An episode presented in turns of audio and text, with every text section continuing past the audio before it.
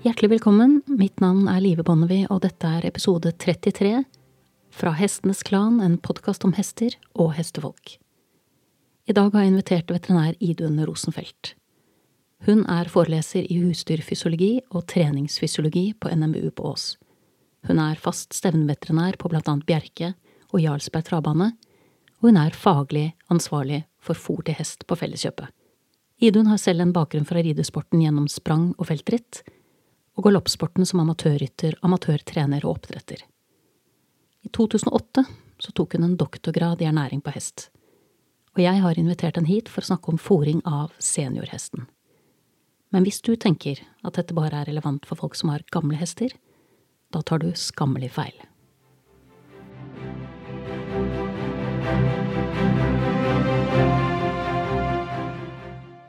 Velkommen, Idun. Takk. Veldig glad for at du ville stille og snakke om seniorhesten, med særlig fokus på fòring. Så tenkte jeg det kunne vært interessant å høre litt om hva som var grunnen til at fòring ble din spesialitet. Du er jo utdannet veterinær, så er det en million veier å gå. Så hvorfor eh, fòring? Nei, da jeg var ferdig utdanna og fersk dyrlege, så følte jeg at jeg hadde lært innmari mye, men samtidig hadde jeg lært litt om alt. Vi skulle kunne noe om alt fra fisk til fugl, og via hest, da. Og så ønska jeg så innmari at jeg, jeg skulle kunne alt om noe. Eh, så jeg jobba litt i praksis først, og så dukka det opp en eh, stilling som stipendiat til å ta en doktorgrad på ernæring på hest. Og da tenkte jeg at eh, fòring, ernæring, det er noe som absolutt alle hester er nødt til å, å være innom. Og alle hesteeiere bør også kunne litt om det. Så det ble min vei. Så en doktorgrad i ernæring på hest. Mm. Mm. Som jeg tok da i, på NMBU på Ås.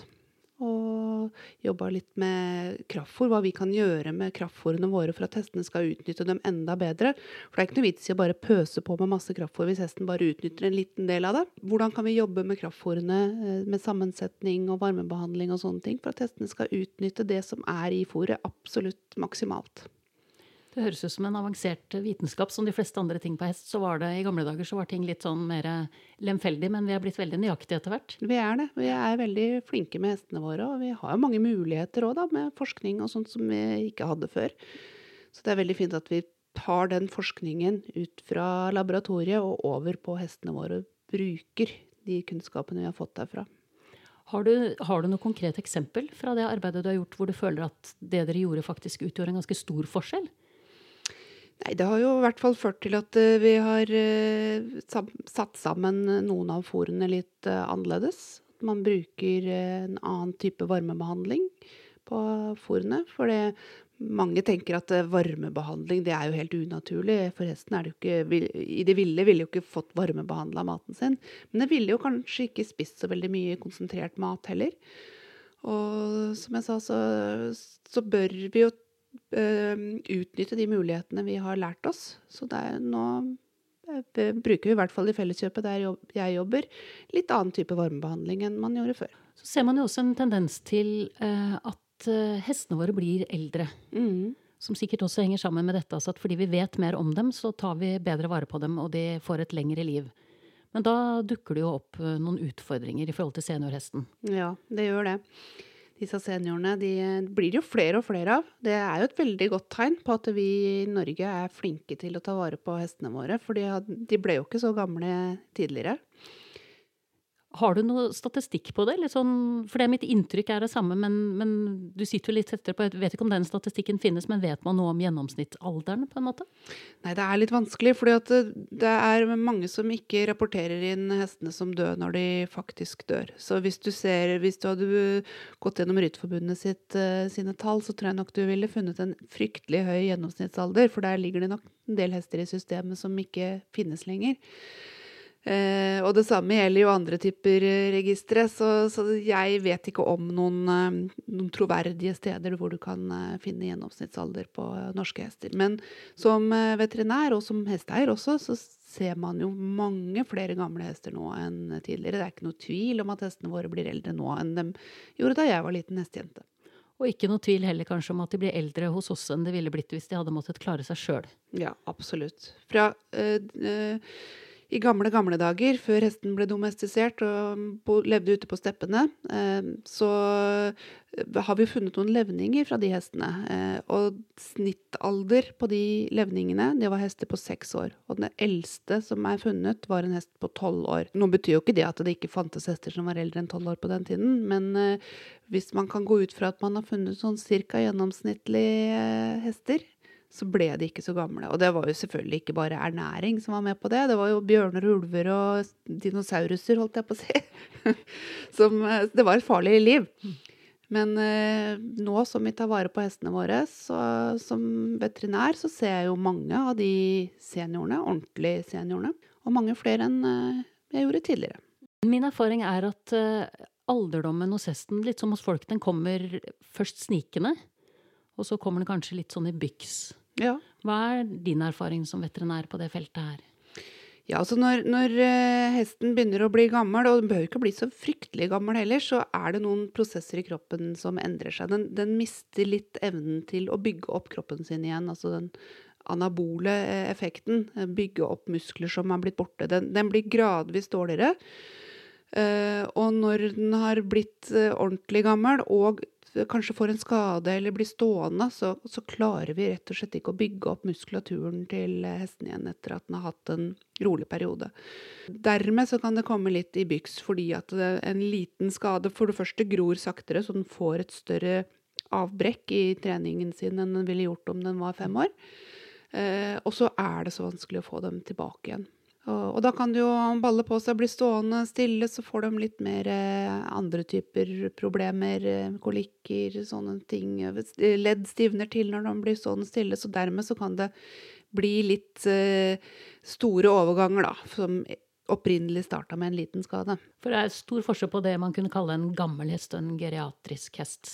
Ja, det er jo det, altså, Geriatrikk, det er jo eh, den eh, alderdoms... Den sykelige alderdomsforandringene.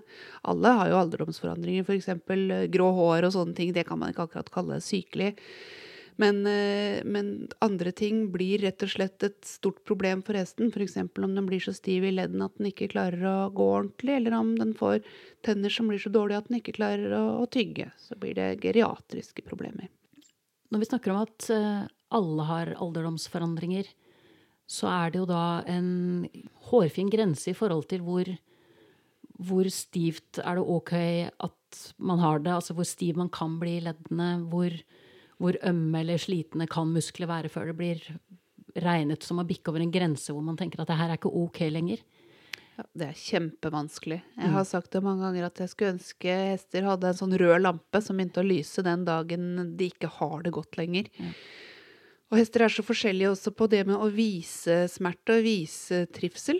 Så, så, der må vi rett og slett bare gjøre vårt beste for å, å sette en sånn fast regel for akkurat der passerer hesten en grense, det er helt umulig. Og så er vi kanskje ikke sjøl som hesteeiere den aller beste til å sette den grensa heller, for at vi er så følelsesmessig bundet til hestene våre at vi uten å ville det sjøl noen ganger stenger ute tegn som de som ikke står eh, hesten så nært, klarer å se. Du sa at uh, de fleste av eh, prosessene i hestens kropp påvirkes. Mm. Kan du si noe om hvilke prosesser som er eh, mest relevant da f.eks. For i forhold til fòringen? Ja, for det, for det første jo, Unnskyld at jeg avbryter, men det er jo så utfordrende ofte å, å, holde en gammel hest i godt hold. Ja. Så hva er det som skjer som gjør at han spiser det samme som han alltid har spist, men han blir tynnere? Mm. Hva er det som skjer da? Det er flere ting. Eh, for det er en alderdomsprosess som påvirker nerver som også påvirker de nervene som styrer motor, tarmmotorikken, altså de som gjør at uh, fôret blir ført gjennom fordøyelseskanalen, de eh, bølgebevegelsene. De går saktere, så fôret flytter seg saktere gjennom hesten hele veien. Og det skjer gradvis. Det er ikke sånn at en dag så bare stopper, stopper det helt opp. Men uh, saktere og saktere jo eldre hesten blir. Og det igjen medfører også en del uh, endringer i bakteriefloraen. Fordi de bakteriene uh, har et veldig, veldig fint samspill. Og det er mange titusener av arter der som skal jobbe sammen med hverandre. Og når fôret flytter seg saktere, så får de litt andre forhold enn de gjorde da hesten var ung. Så sammensetningen av bakterier endrer seg litt. Og det går spesielt utover de bakteriene som hjelper hesten med å fordøye cellulose. Vi mennesker kan jo ikke fløye cellulose, vi kan ikke spise gress og leve av det. Men det kan hesten, og det er fordi at den har en sånn bakterieflora og et fordøyelsessystem som passer til den bakteriefloraen, som hjelper hesten med å splitte opp cellulose i små biter som den kan fordøye. Så når de bakteriene får dårligere vekstvilkår, så fungerer det dårligere å fordøye grovfòr. Og ute i det fri, på steppene for 5000 år siden, så ville ikke de hestene klart seg, for de har jo grovfòr som sin absolutt største eh, næringskilde. Eh, så når de ikke fordøyer grovfòr lenger, da er det slutt. Så det er den første store endringen som skjer i fordøyelsessystemet. Og det andre, det er tenna. De får ikke Eller stort sett alle seniorer får før eller siden problemer med tenna. Eh, det gjelder jo oss mennesker òg. Vi har jo ikke like gode tenner som 80-åringer stort sett, men der også er det jo individuelle forskjeller. Eh, noen eh, begynner å få problemer med tenna som 19-20-åringer. Andre har superfine tenner fremdeles på 25. Men, men, som et gjennomsnitt så har seniorene dårlige tenner og smerter fra tennene kanskje noen tenner som mangler. Eh, de slutter å vokse. altså Hestens tenner vokser jo nesten hele livet. Eller de, de slutter å vokse når de er sånn 14-15 år, men så skyves de utover. Så at de hele tiden har noe å slite på. Og når de er skjøvet helt ut, så rota er blitt ganske kort, så er det ikke mer å skyve på. Og da slites de helt ned og blir glatte som marmor nesten. Og det blir ikke noe tyggemotstand. Eh, så de tygger dårlig, og i tillegg så har de ofte smerter fra tennene fordi det kan være løse tenner, det kan være fôrinnpakninger mellom tennene osv. Så, videre. så generelt, det gjelder ikke alle, men generelt så tygger de dårlig og sliter med å få i seg grovfòret. Kan man gjøre noe med grovfòret som gjør det enklere for en seniorhest med sånne type tenner å få i seg næring? Jeg har jo en venninne som har skaffa seg en sånn kompostkvern mm. for å hjelpe til med å male opp fòret. Som er det ja. Er det flere sånne tips man har på en måte i forhold til å hjelpe, avhjelpe den situasjonen som hesten har havnet i? da? Hvis den fortsatt er frisk og sunn og fornøyd på alle andre områder? Nei, det å hjelpe hesten med å tygge enklere er jo en veldig god start. Eh, man kan, som du sier, kappe opp eh, grovfòr, men man kan også tenke på hvilket grovfòr man bruker. At du bruker et grovfòr som har et litt høyt næringsinnhold, og som i tillegg kanskje er litt sånn mjukt å tygge på. Ikke velg det med de litt stive stråene. Kappe det opp kan man gjøre. Man kan jo bruke eh, graspellets eller lusernepellets også, som man legger i bløt. Det er jo mer eller mindre ferdig tygd. Det er jo kjempesmå partikler. Så det kan man jo Det trenger hesten egentlig ikke å tygge engang. Det kan du bløte til en suppe som den nesten kan drikke i seg. Så det er også sånne Det er nok kanskje ikke løsninger som man bruker i kjempelang tid som eneste løsning. Eh, men det kan hjelpe hesten å få, en, eh, få i seg nok næring mm. sammen med grovform. For da hjelper du på en måte hesten til å få det gjennom munnen og videre ned mm. i systemet, men så vil du fortsatt da ha disse utfordringene som du allerede har beskrevet i forhold til at ting går langsommere. Ja, det stemmer. Og da er det ikke sånn som jeg ville kanskje spontant tenkt at når det går langsommere, så får kroppen mer tid til å trekke til seg næring fra fôret. Men det er ikke sånn det fungerer. Nei, altså den trekker til seg øh, øh, væsken. Øh, og trekker jo til seg en del av næringen også, men den har ikke hjelp fra de riktige bakteriene, som den er helt avhengig av til å bryte ned fiber. Så for kraftfôr, som, som har veldig mye lettere tilgjengelig energi, der, den fordøyer den jo i hvert fall veldig mye bedre enn eh, grovfôr, selv når den er en gammel senior. Mens uh, de, fiberrike fôrene, de drar den ikke like mye nytte av.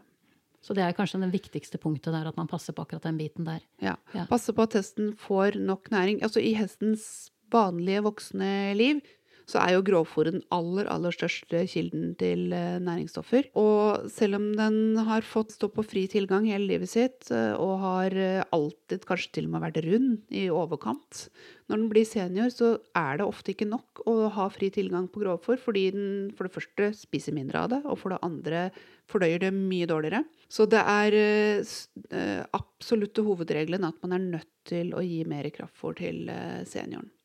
Men der er det et litt viktig ting at man må ikke bare se på alderen i år når man bestemmer at nå må vi gjøre endringer, nå må vi legge til masse kraftfôr. For det gjør vi når vi ser at hesten får alderdomsendringer. Vi gjør det ikke idet den passerer 20 eller 22 eller noe sånt, for det er så store individuelle forskjeller. Og man risikerer at hvis man gjør de endringene og begynner å legge til mer næringsrikt fôr og sånn mer lettfordøyelige ting, hvis man gjør det for tidlig, så får man en tjukk høst som får mer belastning for leddene.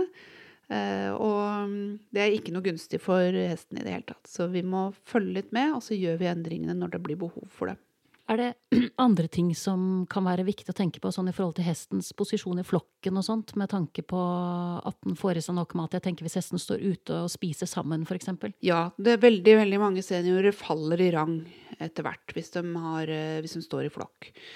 Eh, så, så, der er det litt opp til oss som hesteeiere å følge med også, fordi vi vet jo at hesten eh, er hvordan den er i rang omtrent, og vi har lagt opp fôringa etter det. At hvis den lett kommer til i matfatet, så gjør vi jo ikke noen andre tilpasninger. Men når den faller i rang, og kanskje i tillegg trenger mer spisetid fordi den spiser litt saktere og, og tygger litt dårligere, så er det ikke sikkert at den får nok spisetid ute i en flokk.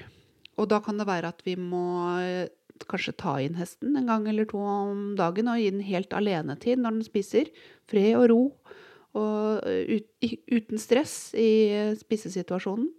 Og så kan den jo fint få gå ut i flokken likevel, men den må bare spise i fred. Når du snakket også om disse tarmbakteriene og at de får en annen sammensetning, påvirker det også hvilke vitaminer og mineraler som blir litt kritiske for eldre hester? Ja. Eh, en vanlig voksen frisk hest den produserer B-vitaminene sine selv ved hjelp av noen sånne snille, nei, snille mikro, mikrober bak i baktarmen. Og de også blir det færre av når det går saktere. Så forskyves den floraen, eh, sånn at det blir færre av de og flere av noe annet. Så det, veldig mange seniorer produserer ikke nok B-vitaminer til sitt eget forbruk. Så det kan være noe man behøver å, å legge til i fôret. Men det er jo tilsatt i kraftfôr. Så selv om uh, hesten har fått dekt det gjennom vanlig å spise grovfôr som yngre, uh, så har man en fin mulighet til å, å bruke et kraftfôr som er tilsatt vitaminer, så får de stort sett dekt behovet sitt derfra. Vil det være behov for å ta blodprøver for å på en måte sjekke hvordan det ligger an, eller kan man bare anta ut fra hvordan hesten forandrer seg rent fysisk at nå er det tid for å legge til? Jeg syns jo at det, det, er ikke noe dum idé å følge opp med blodprøver en gang innimellom på en eh, seniorhest for å se hvordan utviklingen er. Det er jo mange organer i kroppen som uh, kan begynne å slite etter hvert. Og lever og nyrer og sånne ting som man ikke vanligvis behøver å tenke på på en frisk hest. Uh, men når det gjelder å følge opp sånn vitaminstatus og sånn, så er det litt komplisert og ikke minst dyrt da, på å følge opp med blodprøver. Så der tar man det mest ut ifra symptomer og hestens trivsel og pels, glans i pelsen og uh, Mistenker man noe, så kan man fint undersøke det. De mister jo ofte kroppsfett. Mm. Hvilke konsekvenser får det for seniorhesten i forhold til temperaturregulering og sånne ting?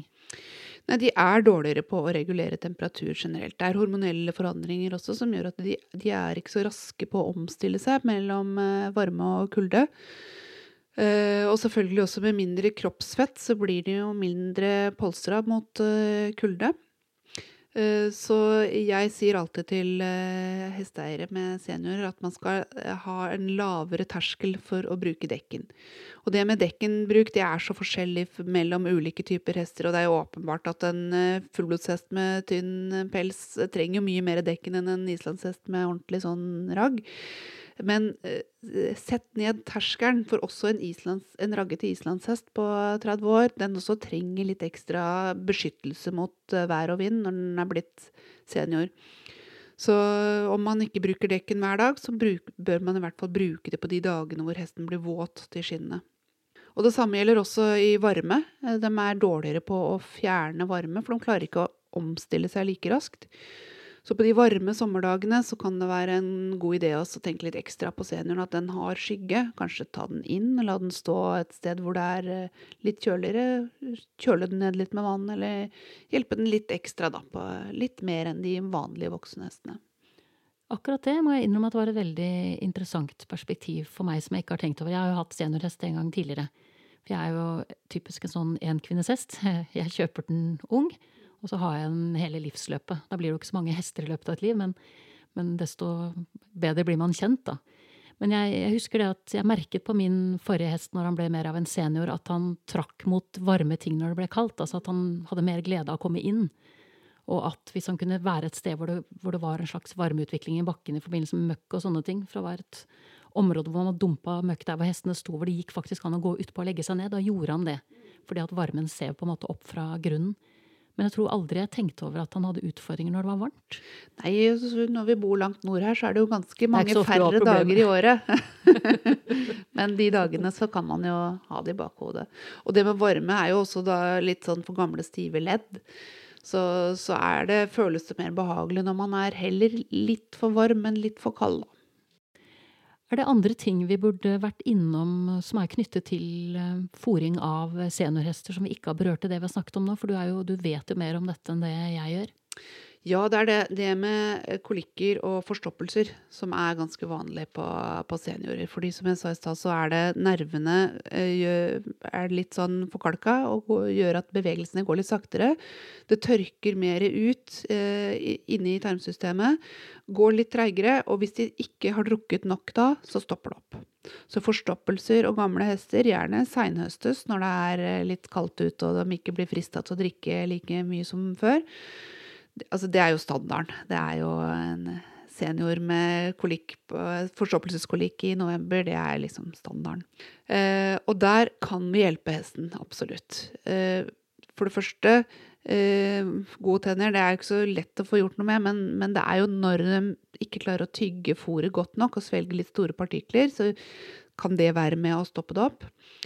Eh, men det er det viktigste er dette her med å få i dem nok væske. Friste dem litt, grann, eh, ha litt eh, lunk på vannet f.eks. Eh, betfiber det er jo en sånn der unikumfôr som trekker til seg så utrolig mye væske. Fem til sju ganger sin egen vekt. Og så trekker det seg til selve fibrene. Så dermed så blir ikke vannet frigjort før fibrene blir oppløst. Og det er jo bak i tykktarmen, akkurat der hvor de pleier å bli forstoppa. Så da får man liksom ekstra, et ekstra væskereservoar som frigjøres på det stedet der, der det trengs. Så det er liksom det eneste unntaket som jeg har til den regelen om at vi ikke gjør endringer før hesten trenger det, før hesten viser alderdomstegn. Det er det med betfiber. Det syns jeg godt man kan legge til eh, på alle hester som begynner å dra på åra, for å si det sånn. For det er et veldig snilt fôr for fordøyelsessystemet og en veldig billig forsikring om at hesten får i seg nok væske. Du har jo noen seniorhester selv. Gir du det én eller to ganger om dagen, og hvordan beregner du mengde og sånne ting? Hva tenker du rundt det?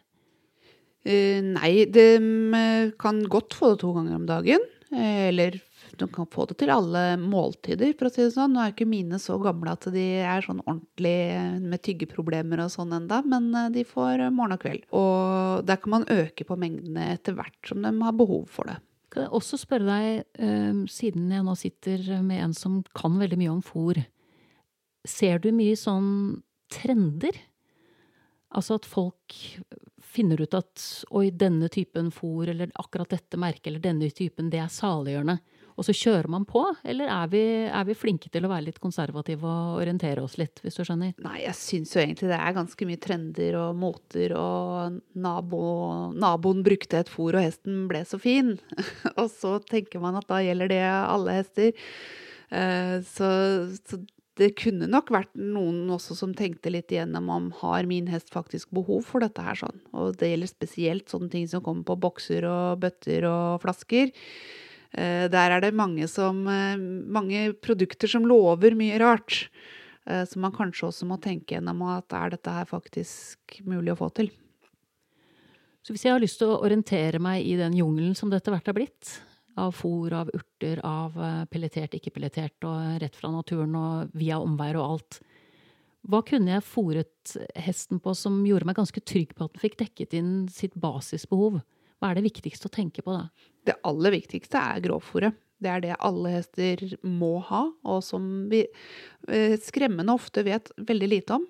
Kraftfôret, der leser man jo på baksiden av sekken og vet nøyaktig prosentandel av ditt og datt.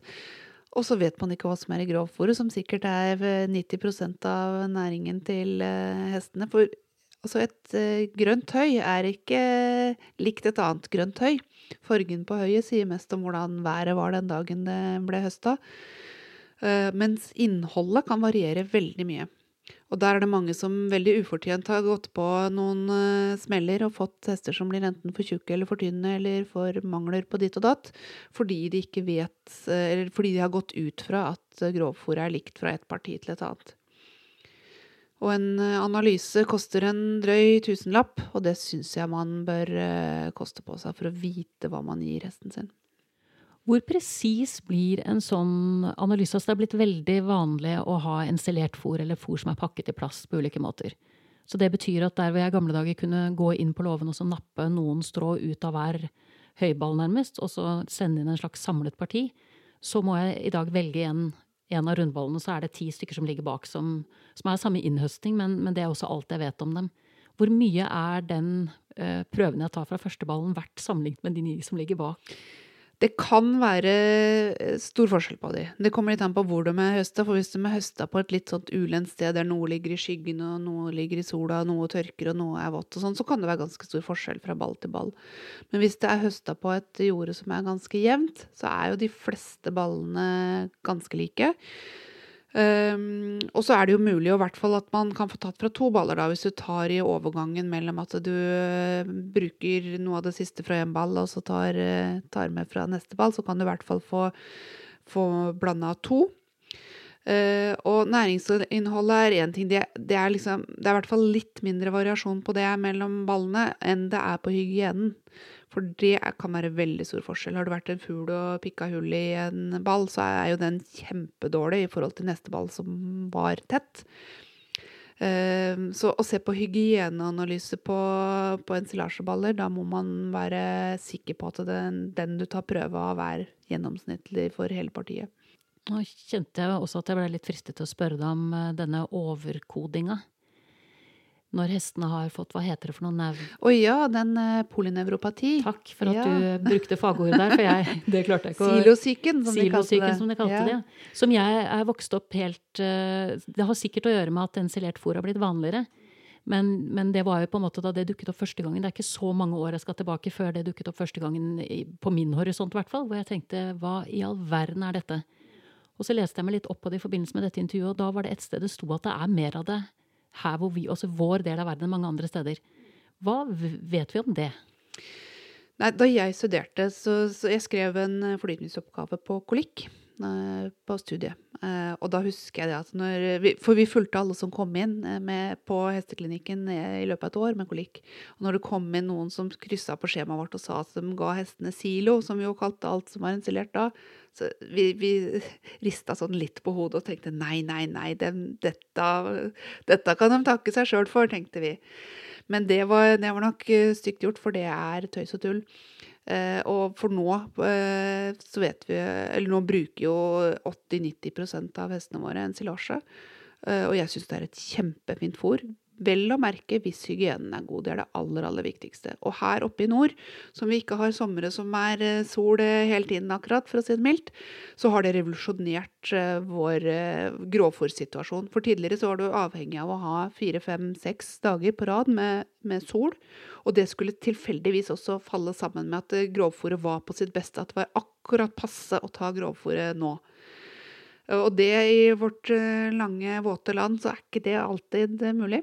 Eh, så dermed så var det mye fôr som ikke kunne berges, som ble dårlig, ble regna på. Eller det måtte tas når det hadde stått altfor lenge fordi man venta på den godværsperioden. Så nå kan vi ta grovfòret når det er på sitt beste. Trenger bare en to-tre dager med sol, og det hender jo går. Eh, og, så vi får mye større mengder fôr, og det er generelt mye bedre kvalitet på fôret. Vi har blitt veldig mye flinkere til å, å vite vi, hvordan vi skal behandle den ensilasjen for å holde den god hygienisk.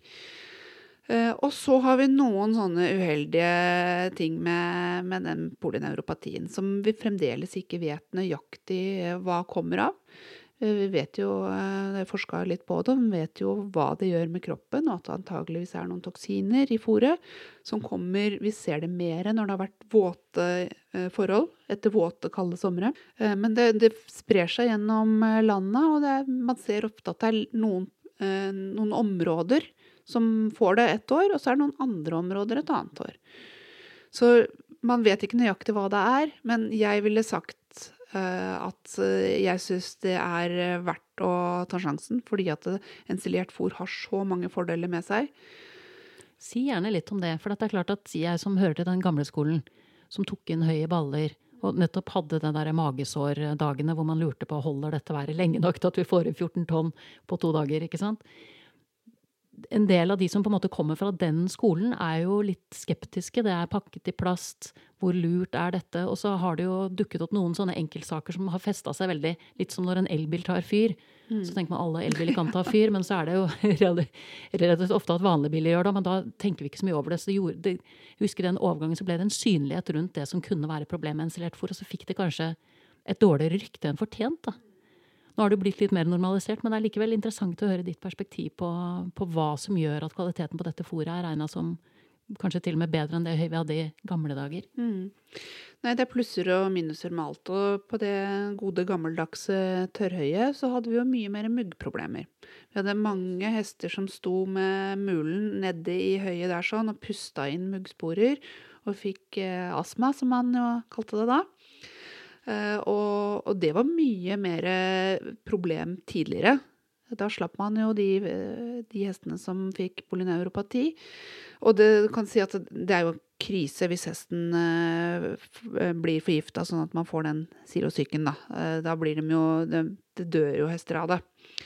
Men det er kanskje eh, vanskelig å bruke statistikk når det gjelder eh, ting som faktisk er følelser, og det hjelper ikke deg nå at statistikken taler for at eh, grovfòr gjennomsnittlig er bedre hvis det er din hest som får en sykdom. Men tørrhøy var jo ikke problemfritt, det heller. Og så er det jo det at vi har jo så god tilgang til grovfòr, i hvert fall i de aller fleste år nå. Eh, vi kan velge eh, hva slags type fôr vi vil ha. Før så var det jo ofte man bare måtte ta til takke med det leverandøren hadde. Eh, fordi at volumene er mye større når vi kan berge det når vi trenger det. Og ja, vi kan velge hvor tørt det skal være. Mange hester liker det jo bedre også når det er litt fukt i det. At man får den fermenteringen, den litt sånn syrlige lukta. Det gjør også at det fordøyes bitte litt bedre, men det er vel liksom nede på en sånn prosent eller to bedre, så det er ikke kjempeforskjell. Men smakeligheten er veldig god på det. Et punkt til også knytta til grovfòr, ensilert eller ikke ensilert, er jo måten vi beskriver kvaliteten. Altså H1, H2, H3. For mange så er dette eh, en bokstav og et tall. Kan du si noe om hva det betyr? Ja, altså H-klassen den eh, sier kun noe om det totale energiinnholdet i grovfòret. Så H1 det er et høy, høy med mye kalorier, da, for å si det på en folkelig måte. Mens H5 det er noe med lite kalorier. Det er slankemat. Eh, men så eh, sier jo ikke den H-klassen noen ting om hva det gjør, eh, hva slags næringsinnhold det er som gjør at den har enten høyt eller lavt totalt energiinnhold. Det kan være mye proteiner som gjør at den blir H1, men det kan også være mye sukker eller mye lettfordøyelig fiber. Så man er nødt til å vite litt mer. Eh, altså det gir deg jo sånn, et sånn grovt eh, innblikk i hva det hva i hvert fall energiinnholdet er. Eh, men om du f.eks. har en unghest, så holder det ikke å vite at det er et H1 eller H2 høy, for det kan godt hende at det er H1 fordi det har masse sukker i seg og fremdeles har lite proteiner, som er det en unghest trenger for å bygge opp kroppen sin. Så hvis du vet at det er H5 eller H1, så må du jo ha hatt en analyse for å vite det, og da bør man også spørre om å få se den analysen. For å da kunne se eh, hvor mye proteiner er det, hvor tørt er det, det betyr jo også mye. Mye sukker er det, hvor mye lettfordøyelig fiber er det, osv. Så, videre. så kan man eh, bruke de tallene til å eh, bestemme mengde som hesten trenger, sammen med det, det kraftfôret du vil gi ved siden av. Blir du sittende og regne på sånne ting som dette på kveldstid? Nei, ikke på kvelden. Da, da, er jeg godt fornøyd. Men jeg tenker, det, jo, eh, det kom jo noen programmer for en tid tilbake hvor det var mulig å faktisk sitte hjemme hos seg selv og har fått høyanalysen, og så plotte inn, og så får du opp en graf som viser hva er det du mangler, og så kan du putte inn fôr og se når er det det blir komplett og riktig, på en måte. Ja da, og sånne programmer, jeg har jo det, og bruker det rett som det er. Eh, PC Horse er et sånt eh, program som er veldig enkelt å, å bruke, og da kan du få lagt inn din egen uh, høyanalyse, får du rett inn i programmet, bare laster opp som en datafil, og så kan du Eh, legge til de mengdene du har, så får du opp sånne søyler som blir da enten røde eller grønne. og så kan du finne... Jobber du for å få alle ja, grønne? Ja, og så kan du finne da den kraftfôrmengden du trenger ved siden av for å, liksom at alle søylene skal bli grønne. Er det et godt uh, og pålitelig verktøy? PC-Horse f.eks. Hvis jeg nerder litt på det og tenker at jeg vil at alt skal være grønt og riktig? Det er et kjempefint hjelpemiddel, men det er jo hesten sjøl som er fasiten. For det er forskjeller på, på hester også, og hvor nøysomme de er, og hvor eh, Selv om du gir dem eh, maten, så er det ikke sikkert de eh, verken spiser det, at de rører det rundt i boksen, eller at de fordøyer det like godt som nabohesten. Så hesten skal alltid være fasiten. Men når det er sagt, så er det et kjempegodt eh, hjelpemiddel når man treffer forholdsvis nært, altså. Så spesielt så kan det være vanskelig å regne på, eller å se det for seg inn i hodet sitt hvis du bytter fra et H2-høy til et H4-høy. Hvor stor forskjell gjør det? Hvor mye mer må du gi da? Da er et sånt dataprogram kjempenyttig for å eh, gi deg litt idé om mengder. Jeg kjenner jo at jeg kunne sittet og pratet med deg om dette i flere dager. i denne. Det er et spennende tema. Det er veldig spennende tema, rett og slett. Jeg tenkte jeg skulle eh, avslutte med å sjekke med deg eh, basert på den kompetansen du har innenfor fôr, om det er noe du tenker som vi ikke har vært i befatning med i løpet av dette intervjuet, eller noe vi har vært befatt, i befatning med som du har lyst til å understreke? Altså, hva, har du en sånn eh, fanesak i forhold til fôring av hest? Nei, det er jo eh, Vi var jo mye inne på det nå med dette med grovfòret, som er den største feilkilden for som jeg sa i stad, du vet jo stort sett hva kraftfôr inneholder, men så er det ofte man vet altfor lite om grovfôret sitt. Eh, det er det ene. Og det andre er dette her med mengder grovfôr og dette fri tilgang, og at hesten skal ha en, en naturlig tilnærming til grovfôr. Og mange sammenligner da med de hestene ute på steppene for mange tusen år siden som hadde fri tilgang. De hadde ekte fri tilgang, for de spiste litt her og litt der. og Litt gress og litt bark og litt røtter og ikke så veldig mye konsentrert fôr. Og det gresset de spiste, det var ikke noe sånn H2-høy, altså. Og det var ikke fri tilgang på den måten som mange eh, kaller fri tilgang nå. Nettopp at man åpner en ensilasjeball og, så, og tar av plasten, og så slipper man, man hesten inn. Ja, så sier man vær så god. Og den mosjonen hesten får, det er fra porten og bort til rundballen på morgenen, og så fra rundballen og bort til porten igjen på ettermiddagen. Eh, så for mange så har det ført til store overvektproblemer. Eh, og for lite mosjon generelt, og forstoppelsesproblemer fordi at de blir stående for mye i ro og ikke bevege seg. Eh, som eh, igjen Bevegelse setter jo litt sånn fart på systemet. Så der tror jeg det er litt misforstått for noen hva fri tilgang er. For fri tilgang det er at hesten eh, skal ha mat i magen gjennom hele døgnet. Det er ikke skadelig for hesten å ha perioder hvor den ikke har tilgang til mat. Altså jeg spiser jo ikke mellom lunsj og middag, jeg heller. Og det er ikke skadelig for meg å, å, å ha litt sånn pause mellom måltidene og rekke å bli sulten før jeg spiser middag igjen. Men, eh, men den skal ikke ha lange perioder uten mat. Ja, for er det sånn, rett meg hvis jeg er feil, altså, men er det ikke sånn at hesten produserer i motsetning til oss litt magesyre hele tiden, mens vi produserer først magesyre når vi begynner å tygge? Ja, det stemmer. Eller når vi får uh, mat i magen. Så kan vi Vi produserer jo uh, bikarbonat i spyttet, det gjør resten også. Så den tyggeprosessen er kjempeviktig. Jo mer de tygger, jo mer bikarbonat som er basisk, produserer de, som bufrer opp for magesyra. Men magesyra har jo et kjempeviktig formål. Den skal jo være med på å bryte ned næringsstoffene og, og også drepe bakterier, sånn at hesten ikke får i seg skadelige bakterier. Eh, så vi trenger magesyra, men vi må bare ikke overdrive mengden. Eh, og mm, da tåler hesten fint å spise måltider også, bare det ikke er for lenge mellom måltidene. Hva er det som blir for lenge? Eh, Fire timer på dagtid sier man at det skal ikke gå mer enn fire timer uten mat på dagtid. Eh, mange vil nok kanskje korte den ned enda litt, eh, si at en to-tre timer fra de har spist opp til de får et uh, nytt måltid, da er, du, da er du safe. Ingen hester får magesår av å, å være to-tre timer mellom måltidene. På natta så produserer hesten mye mindre magesyre, så da tåler de fint å, å gå tom for mat på natta. De har en sånn døgnsyklus eh, på produksjonen. Så det er ikke farlig at det er tomt for røy på morgenen. Det tror jeg mange har Eller jeg vet at jeg kjenner mange andre enn meg også som har mista litt nattesøvn på det. Når Man tenker, man vet jo egentlig ut fra forskning at det er ikke så mye mer enn fire timer de går i vill tilstand før de vil begynne å spise igjen. Eller det man har klart å måle, i hvert fall. Mm. Og da tenker man jo fort at ok, når hesten blir satt på stallen for middag klokka åtte, ferdig å spise klokken ni, og så er det neste måltid der da kanskje klokken syv dagen etter. Mm. Hva i all verden skjer da med denne kontinuerlige produksjonen av mm. magesyre? Da ble jeg jo litt beroliget av at du sier at det er en forskjell der. Det er det. Ja.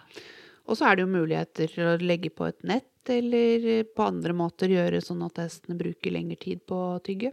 For ute i naturen så ville de jo brukt mye lengre tid på å få i seg samme mengde grovfòr som de spiser på en liten halvtime ute med fri tilgang på en åpen eh, ensilasjeball.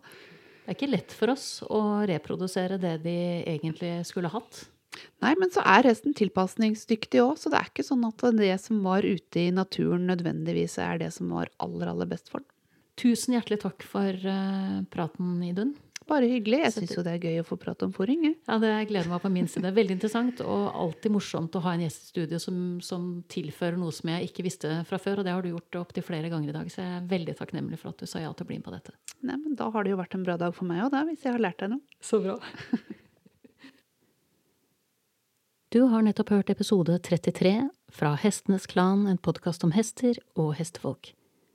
Hvis det du hørte det i dag gjorde deg nysgjerrig på å lære mer om fòring av hest, så finnes det også flere webinarer med Idun tilgjengelig på nettet.